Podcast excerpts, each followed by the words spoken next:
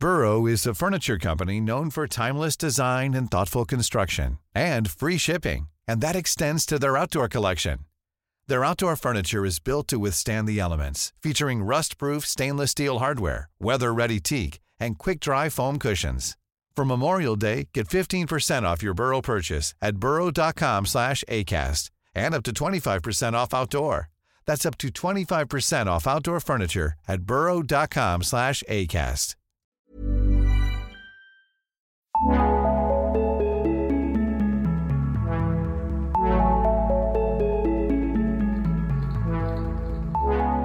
Förra säsongen utsatte du mig för en frågesport. Ett eh, quiz om djur i rymden som blottade mina kunskapsluckor. Mm.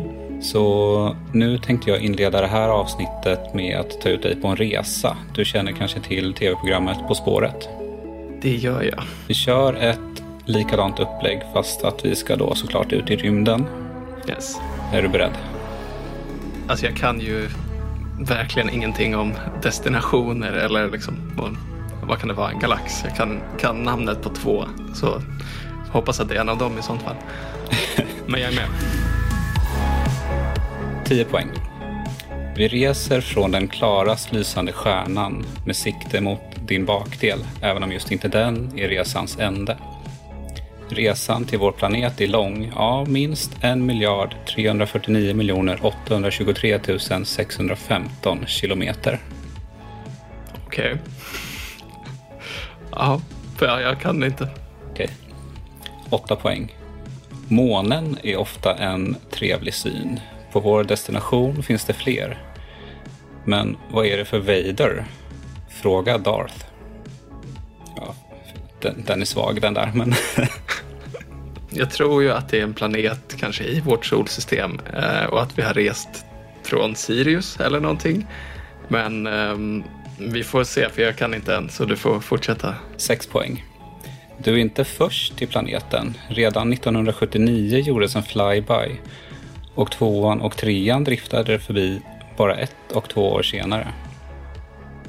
Ja, nej, du får fortsätta. nej, jag har, nej, jag gissar. Jag gissar. Ja, ja. Du drog på 6 poäng alltså. Ja. Men jag läser de andra ledtrådarna så får vi se ifall du ska sitta här och eh, ha ångest för att du var för snabb eller om du bara landar i att du hade rätt. Fyra poäng. Riddar Kato-planeten är en riktig jätte. Väte och helium är framträdande här. Ska du gå in för landning? Jag avråder dig, men lycka till. Det där hjälpte mig absolut ingenting. Så... Ja, Okej. Okej. Jag trodde att du... Ja, skitsamma. Två poäng. Ringar hit och ringar dit. Satt är den. Men vad klockan är nus, det vet jag inte. Välkommen till den flytande planeten Saturnus. Ja, snyggt. Jag gissade på Uranus, så det var ju då. jag var bara tvungen att gissa på en planet kände jag när det var, när det var sex poäng. Det, ja, jag får skämmas. Ja, jag ska bara snabbt gå igenom ledtrådarna. På 10 poäng var det ju då att jag skämtade lite med eh, eh, namnet Uranus. Det vill säga Saturnus grannplanet. Att vi hade sikte mot din bakdel, alltså Uranus. Ja, lite vitsigt på själva anus helt enkelt. Sen avståndet är alltså från solen som vi åkte ifrån. Alltså vår sol. Ja, för att det är det starkaste lysande stjärnan som vi ser. Ja, Ja, precis. Sen så var det ju eh, månen då på Saturnus. heter den Vader? Nej, det är en eh, blinkning till eh, Star Wars.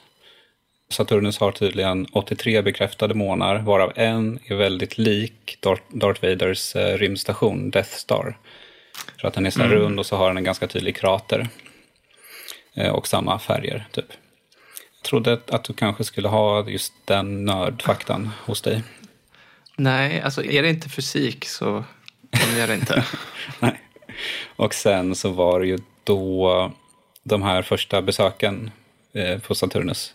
1979 så var det Pioneer 11. Följt av Voyager 1 och 2. Mm. Där trodde jag definitivt att du skulle dra. Ja, men där valde jag bara en planet och gissade fel. Ja. Och eh, Riddar Kato-planeten, den har ett hjärta av sten. Men utanför där är det bara en massa gaser. Det vill säga helium och eh, väte. Och eh, den är omöjlig att landa på. Mm. Två poäng, eh, ja men de kanske du fattade. Ringar Ja. hit och ringar dit. Sen är det bara en massa satt som i Saturnus. Vad är klockan? Alltså ur och nus. Och sen kallar jag det för en flytande planet och det är för att den är, den är, den är jäkligt tung. Alltså den är 95 gånger tyngre än jorden men den har extremt låg densitet. Kanske du känner till? Så pass låg att den skulle kunna flyta på vatten. Ja. På resan hade du då noll poäng, men du ska också få chans att få ett poäng för att jag har en fråga på destinationen. Eh, Den kommer här. Eh, Galileo Galilei var den första att spana in Saturnus. Det här var alltså 1610. Vad trodde han att ringarna var innan man kom fram till att det var ringar? Ja. Vatten. Jag har ingen aning. Ja, det är tyvärr fel. Han trodde att eh, Saturnus hade två mindre planeter på varsin sida av själva liksom huvudkroppen. Okej, så månar på något sätt. Ja, Eller planet. Ja. preciserades inte, det stod planeter i min research. Du kom upp i noll poäng. Hur känns det? ja, det är starkt. Ja, No, noll av elva. det är riktigt starkt. Men nu kastar vi oss vidare.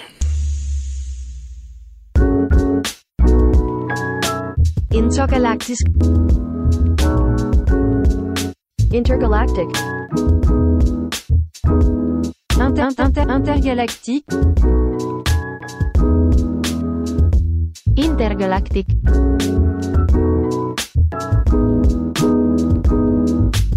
Hej, du lyssnar på Intergalaktiskt med mig, Viktor Krydmark och med dig, Bill Borå. Tjena, tjena. Du har förberett ett program till oss idag, va? Det har jag och jag har varit lite osugen på att göra det faktiskt. För jag förstår det inte helt. Ehm, Men vi får helt enkelt se om det blir en stunds svammel eller om vi kan eh, lära oss någonting tillsammans. Det låter bra. Men vad känner du Viktor? Är det liksom den generella nivån på innehållet i podden? Är det för enkelt eller för svårt? Men jag tycker det har varit lite blandat. Överlag så har vi haft en del avsnitt som har varit lite lättare att prata om, till exempel typ rymdjuridik eller eh, rymdrelaterade upptäckter eh, som kvinnor har upptäckt, men inte fått cred för. Det är lite lättare att prata om. Sen har vi haft lite mer fysik och forskning, då har det varit lite svårare. Så att, eh, ja, vad, vad, vad blir det idag? Ja, idag blir det något som för mig känns ännu mer omöjligt. Det, det är lite mer kanske filosofi i mitt huvud. Men eh, ja, jag ska förklara lite exakt vad det handlar om då. Så vi ska prata lite om en av giganterna inom fysikvärlden, Stephen Hawking. Eh, och det gör vi via en av hans tidigare doktorander och senare kollegor då. För han släppte förra året en bok som heter On the Origin of Time. Och i den här boken så går han igenom det han kallar för Hawkings sista teori. Alltså en teori som den här killen och Hawking tog fram tillsammans. Och eh, den här boken har översatts till svenska av Lisa Sjösten och getts ut av eh, Fri Tanke under namnet Om tidens uppkomst. Men innan eh, vi går in på det det faktiskt handlar om så ska jag bara nämna att Stephen Hawking nyligen förekom ju på en lista med namn med koppling till Jeffrey Epstein, eh, finansman och dömd sexbrottsling. Och det har blivit lite snack om det här i diverse media. Jag har faktiskt inte grävt i det här så mycket och vet inte exakt vad det rör sig om. Men som jag förstår det ska inte Hawking vara anklagad för något brott eller så.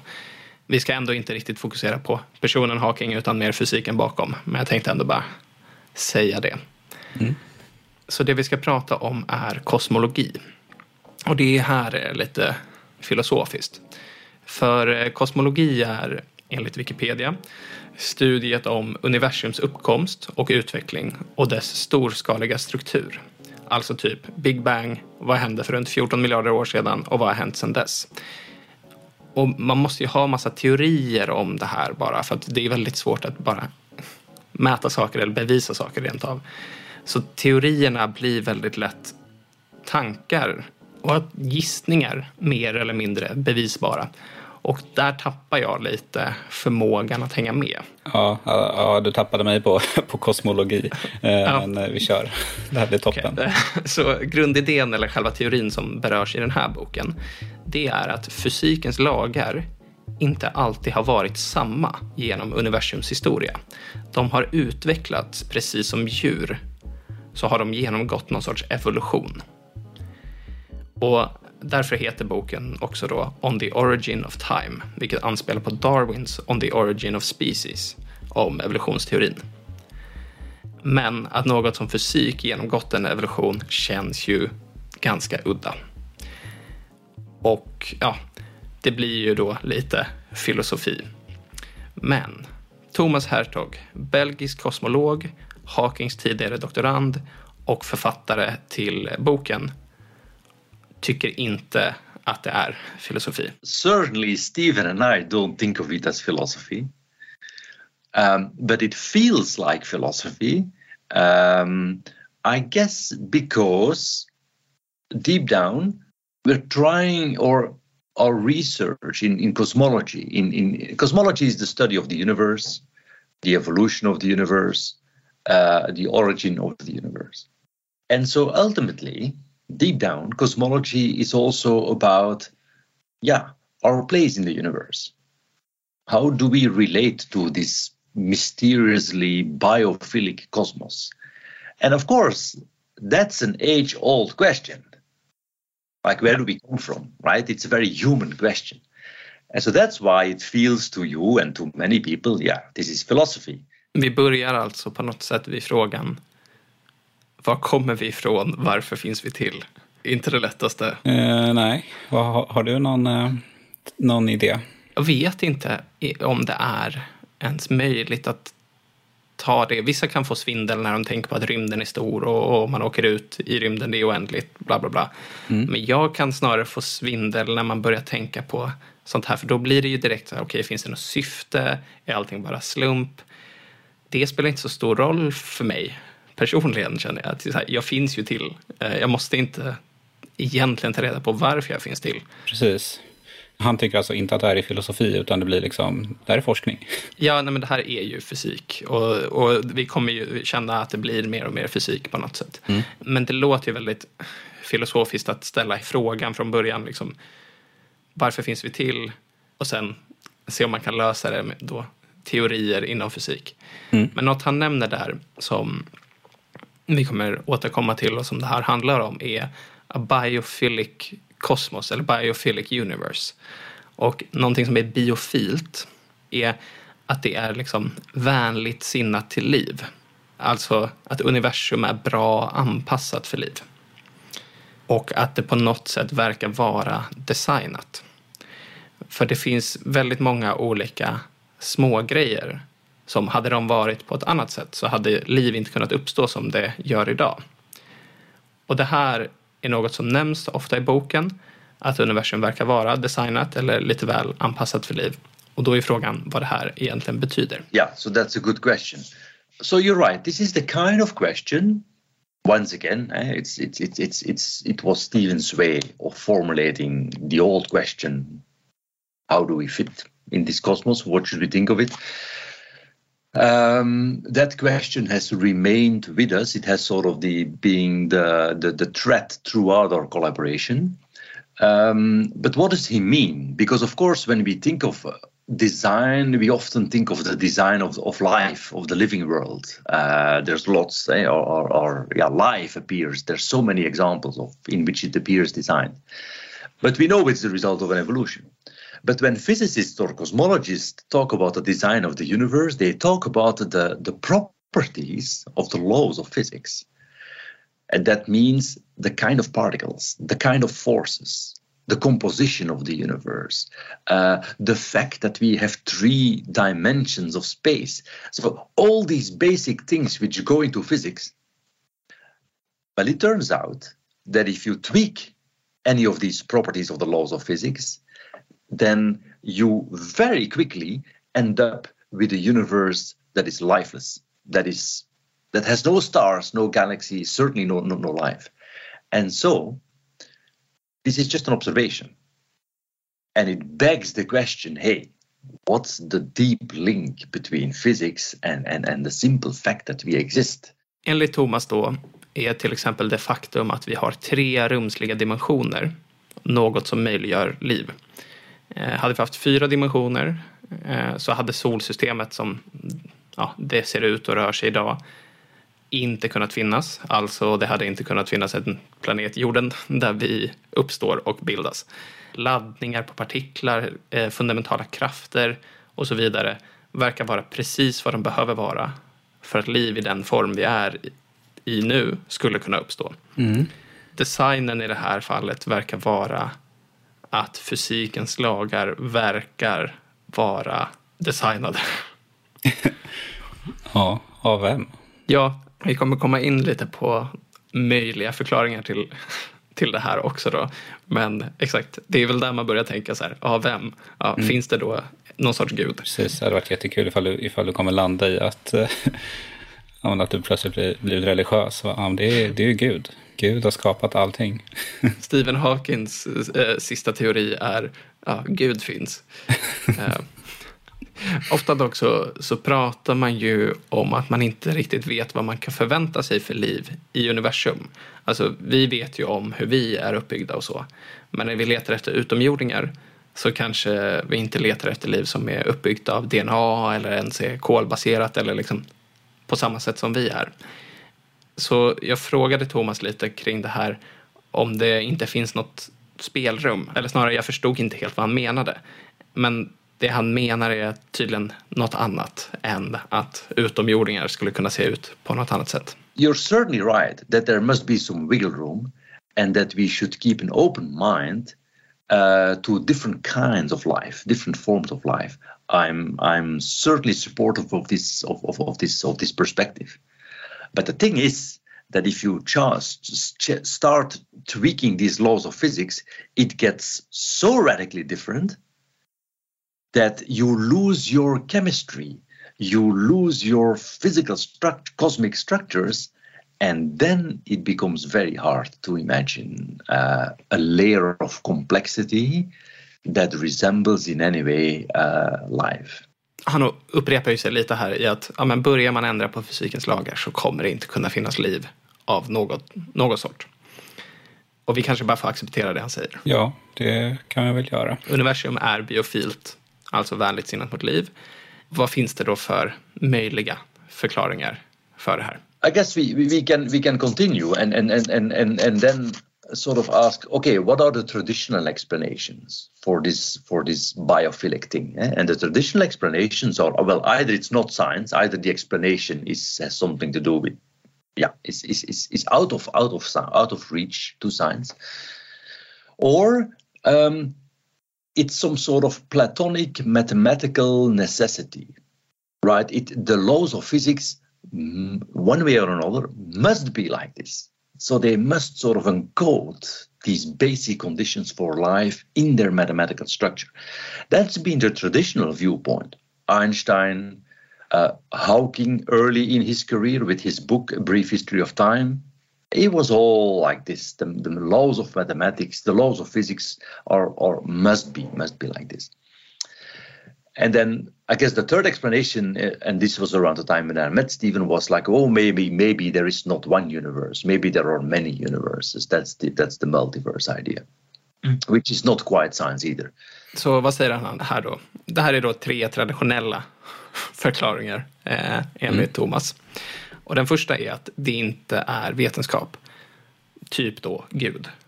Mm. Det är någonting som står över vad vi som människor kan förstå, ta reda på och så vidare. Vi bara accepterar, det finns någon sorts eh, större kraft som bestämde, så här är det. Ja. Den andra är att det är någon sorts matematisk nödvändighet. Fysikens lagar är statiska, de är vad det är. Det finns inget spelrum här. Liksom. Och det här verkar ha varit det som väldigt många då har gått på. Om man går bakåt i tiden, om man går framåt i tiden, så är fysikens lagar alltid de samma. Så det måste se likadant ut vid universums bildande och det kommer se likadant ut när universum dör.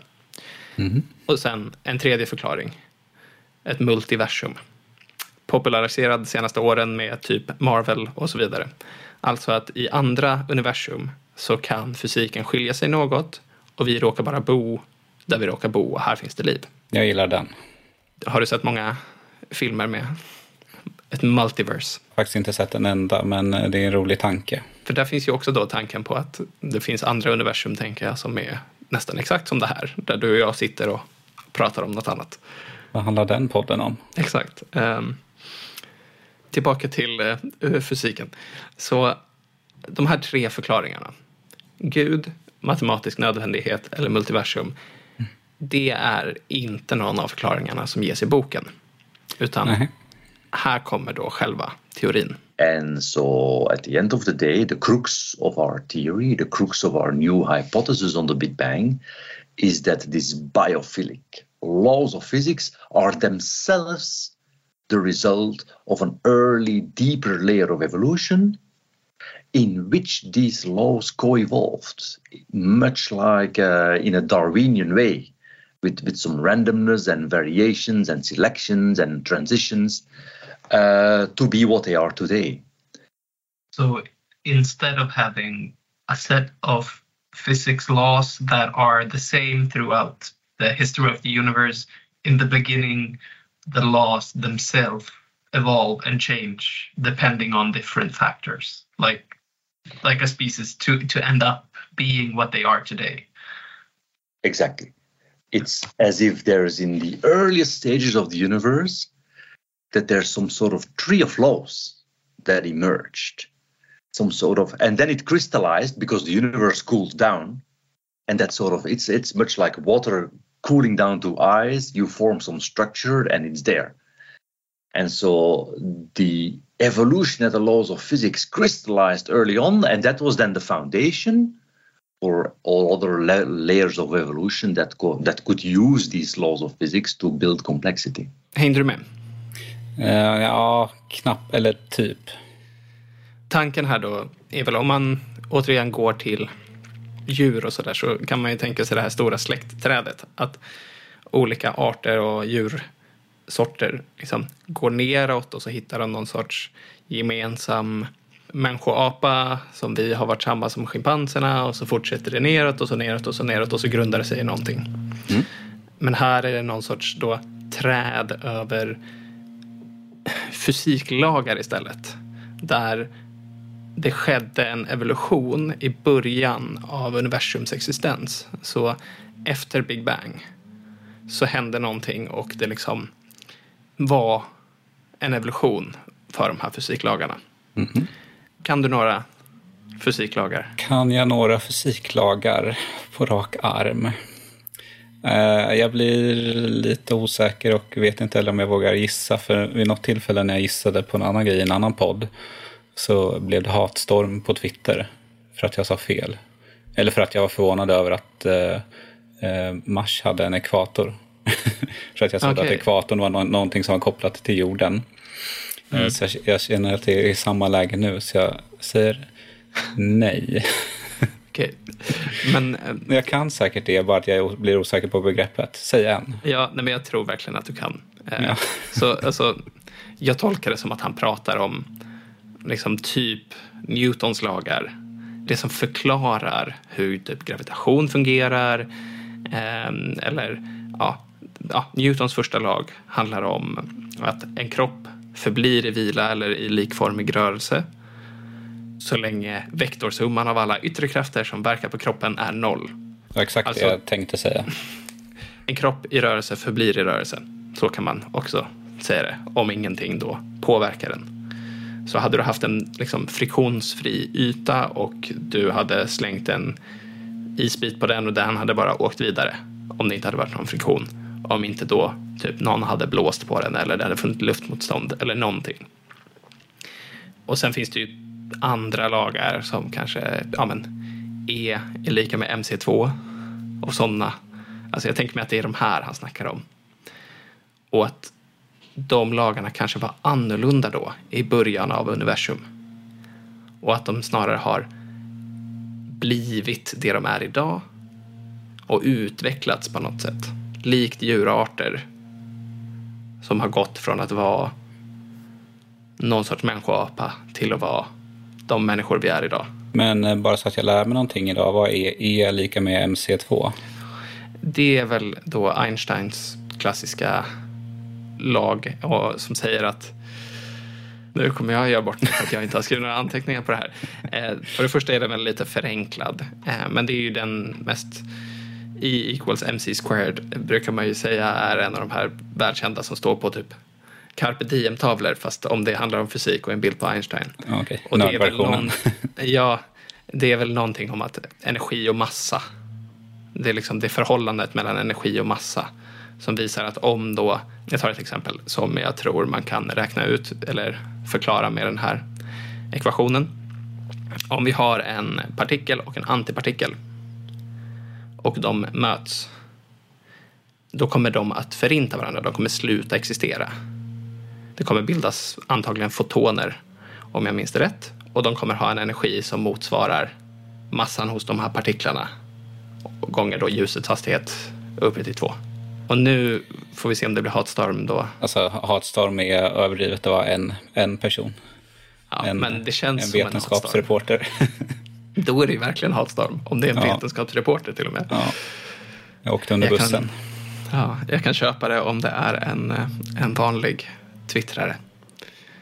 Men i alla fall, om det inte var svårt nog så för att kunna förklara hur de här lagarna då har skapats i det här trädet av lagar så går Thomas in på eh, kvantområdet.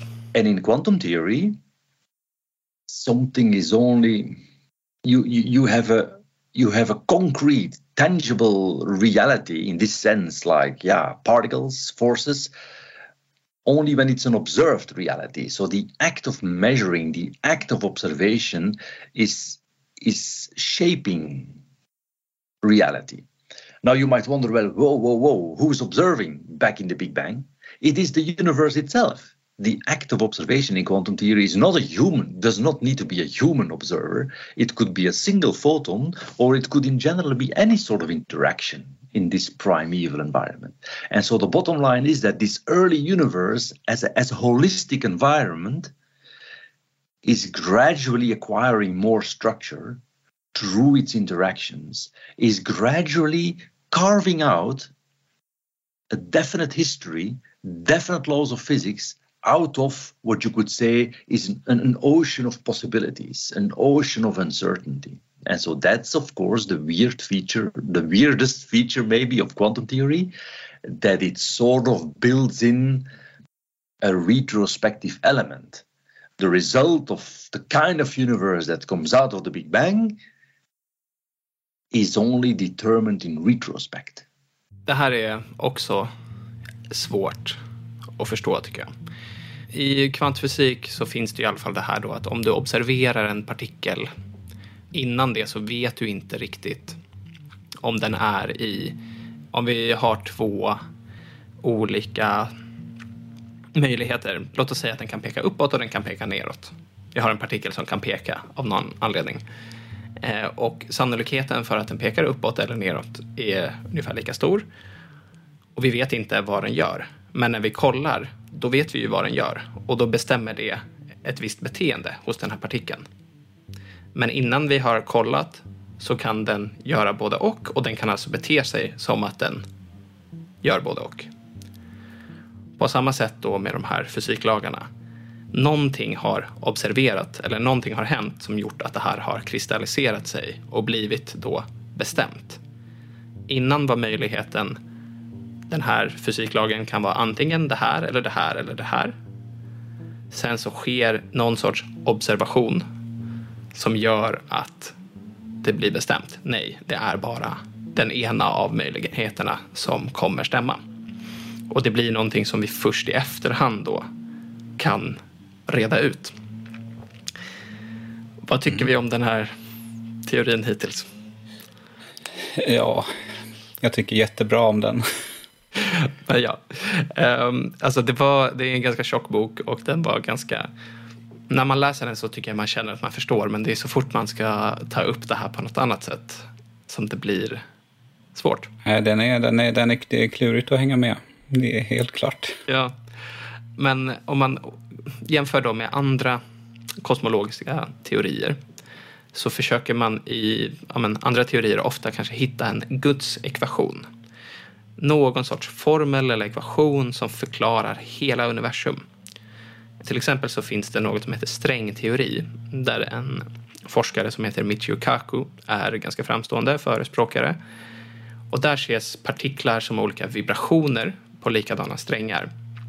Och enligt honom så ska man kunna, liksom, om man går längre tillbaka i universum, ju tidigare man är, då ska man kunna hitta någon sorts formel som förklarar varför universum har blivit precis det det har blivit. Någon sorts liksom, gudsekvation som förklarar precis allting.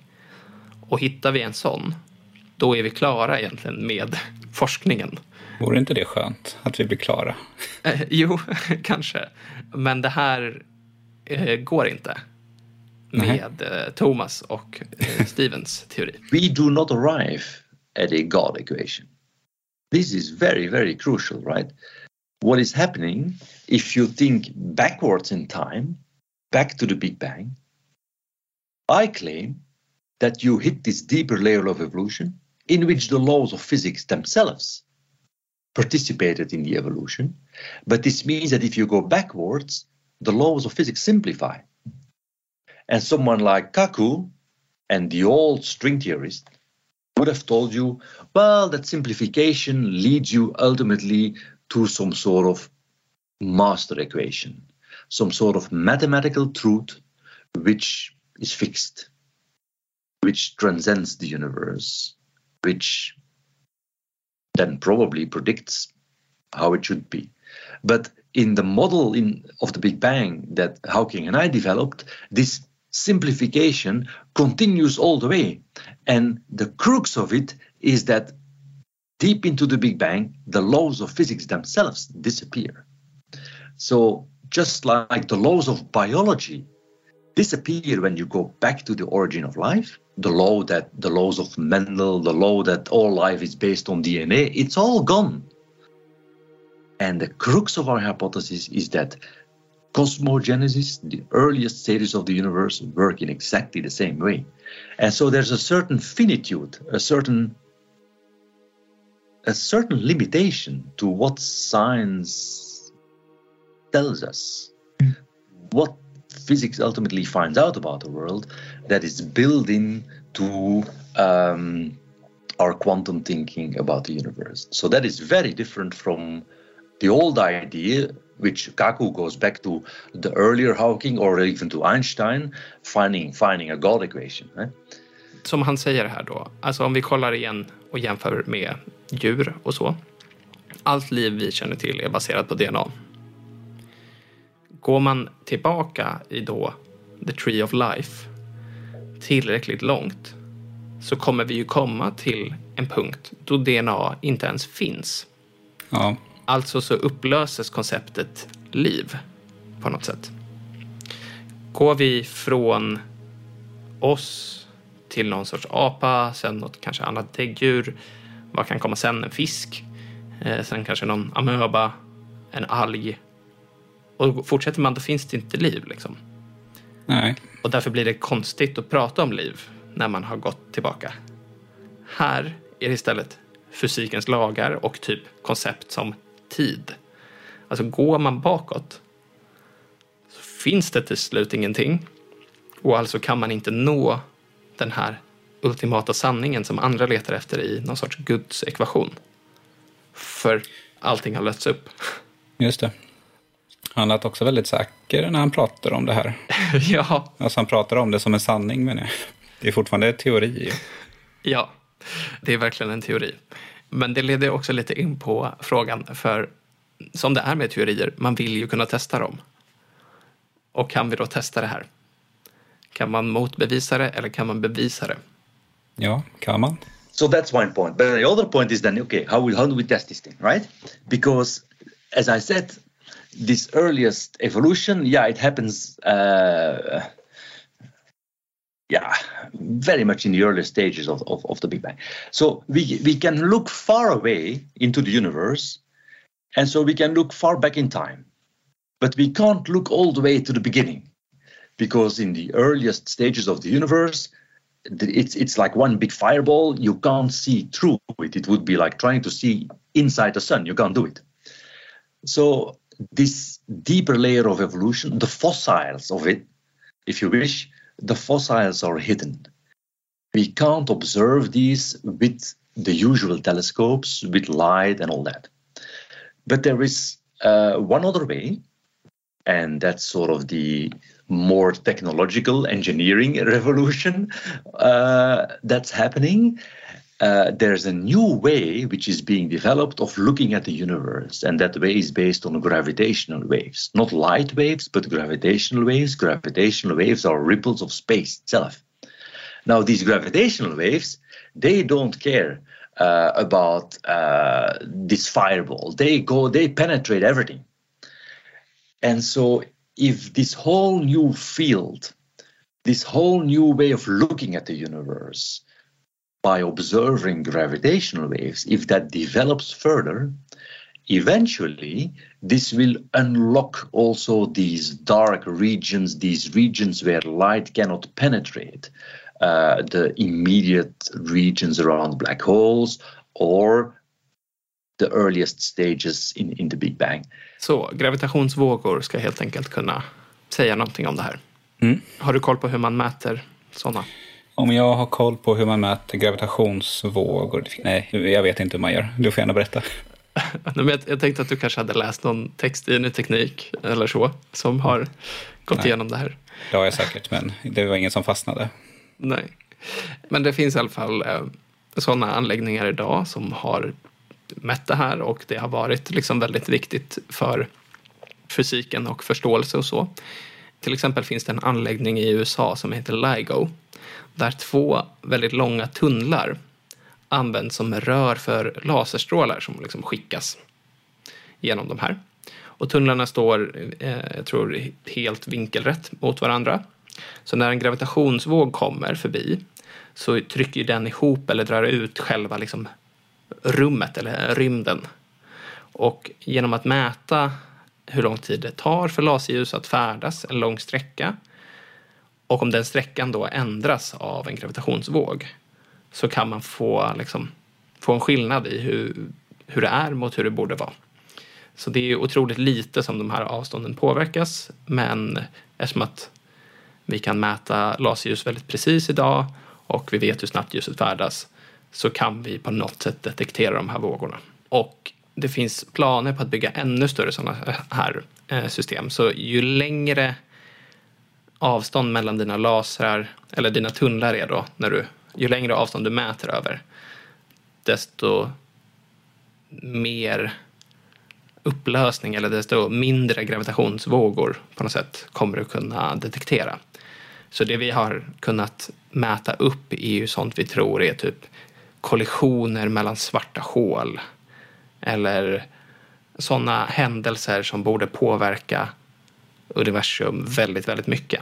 Och det här har vi då kunnat mäta. Okej. Men de i rymden kommer kunna göra det här ännu mer precis. So what's happening when, when this tree of laws sort of forms in the earth, these transitions in which forces split and new kinds of particles are born, these are violent transitions. These violent transitions, they go together with bursts of gravitational waves, and these gravitational waves, they're still ought to be there. They, they as, as a sort of background noise filling the universe. And that would be the fossils I think we would ultimately be interested in, in finding. And in fact, Stephen, just before he died, was working on a, on a publication, on a paper, pointing exactly uh, in that direction. Så det han säger är att det skulle kunna finnas någon sorts gravitationsvågsbakgrund av väldigt, väldigt gamla då gravitationsvågor från när de här fysiklagarna går från att vara någonting till något annat och när det kristalliseras ut till de lagar vi har idag. Och det här borde gå att mäta. Men vi har inte tillräckligt känsliga instrument idag. Så det är det de här i rymden skulle behövas för. Just det. Och det finns ju något som heter typ den kosmiska mikrovågsbakgrunden. Som är typ det här bruset man ser i gamla tv-apparater, Myrornas krig och sånt där. Ja. Som man sen faktiskt gjorde mätningar på där man kan liksom se ekot på något sätt från Big Bang. Och det här skulle vara något annat då, inte i ljusspektrat utan mer i då gravitationsvågor. Fan, det var länge sedan man såg det där Myrornas krig på en tv.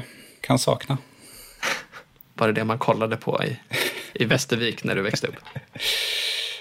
Eh, Ja, det fanns väl i alla fall någon sån här event. Just Myrornas krig var inte så spännande, men det fanns ju någon sån här event eh, SVT-grej. När det inte var något som gick, utan ja, det var som en, bara en väntruta. Där också fanns en grej som gick fram och tillbaka sakta. Den kunde man fastna vid. Ja, nej, det har jag inget minne av i alla fall. Nej. Men eh, ja, du sa ju också att han lät så himla säker när han pratade om det här. Ja, Um, väldigt säker. Han eh, kan ju få motbevisa det själv. Han är nog inte 100% säker. we have the potential to redefine physics, to to sort of crack it open and to to unlock its its its fundamental evolutionary origin. It's it's um, but okay, that's that's it's it's a long shot. But theoretical physics has always been a long shot, right? Okej, nej, han lät ju ganska säker. Men han säger i alla fall att det är ett långskott. Ja, precis. Han säger att det är ett långskott på ett säkert sätt. Exakt, han säger Han, är att det är ett säker, han, långskott. kommer, han kommer sätta det här långskottet. Ja. Men vi, vi, vi kan omdefiniera hela fysiken, men det är ett långskott. Ja.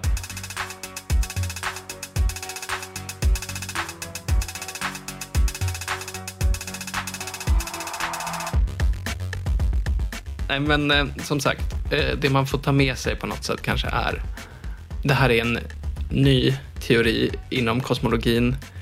Eller den är, den är inte jätteny längre. Alltså, Stephen Hawking gick bort för ett tag sedan och de hann publicera vetenskapliga artiklar om det här. Men den populärvetenskapliga delen är ganska ny. Att den sprids då ut till, till fler.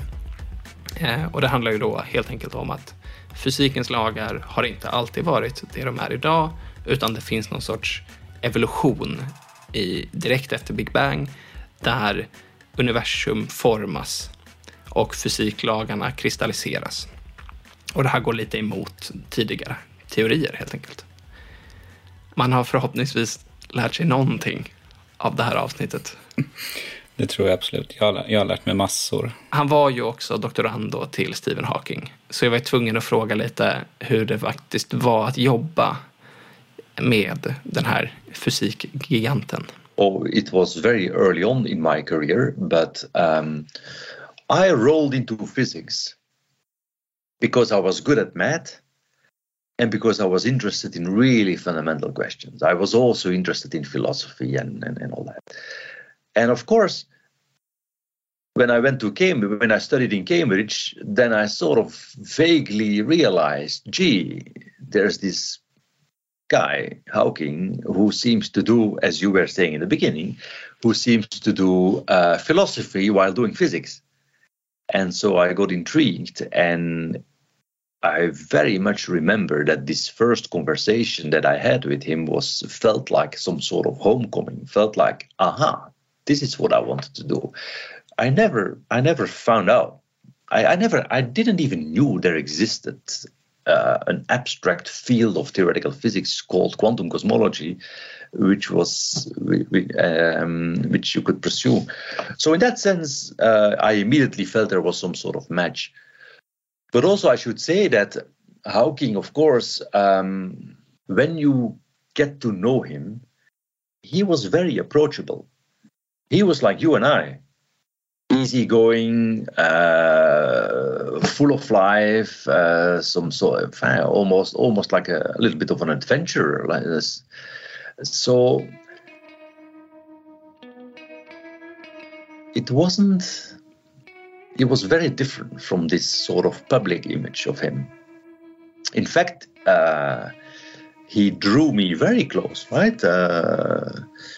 Uh, there was almost after a while no separation between his his or his professional and, and, and private life. Um, so it was very intense working with him, but um, very normal in a way as well.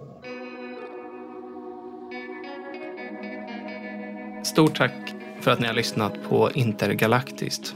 En eh, podcast från Ny Teknik som görs av Bill Borå och Viktor Krylmark och klipps av Kristoffer Krook på Monopol Media.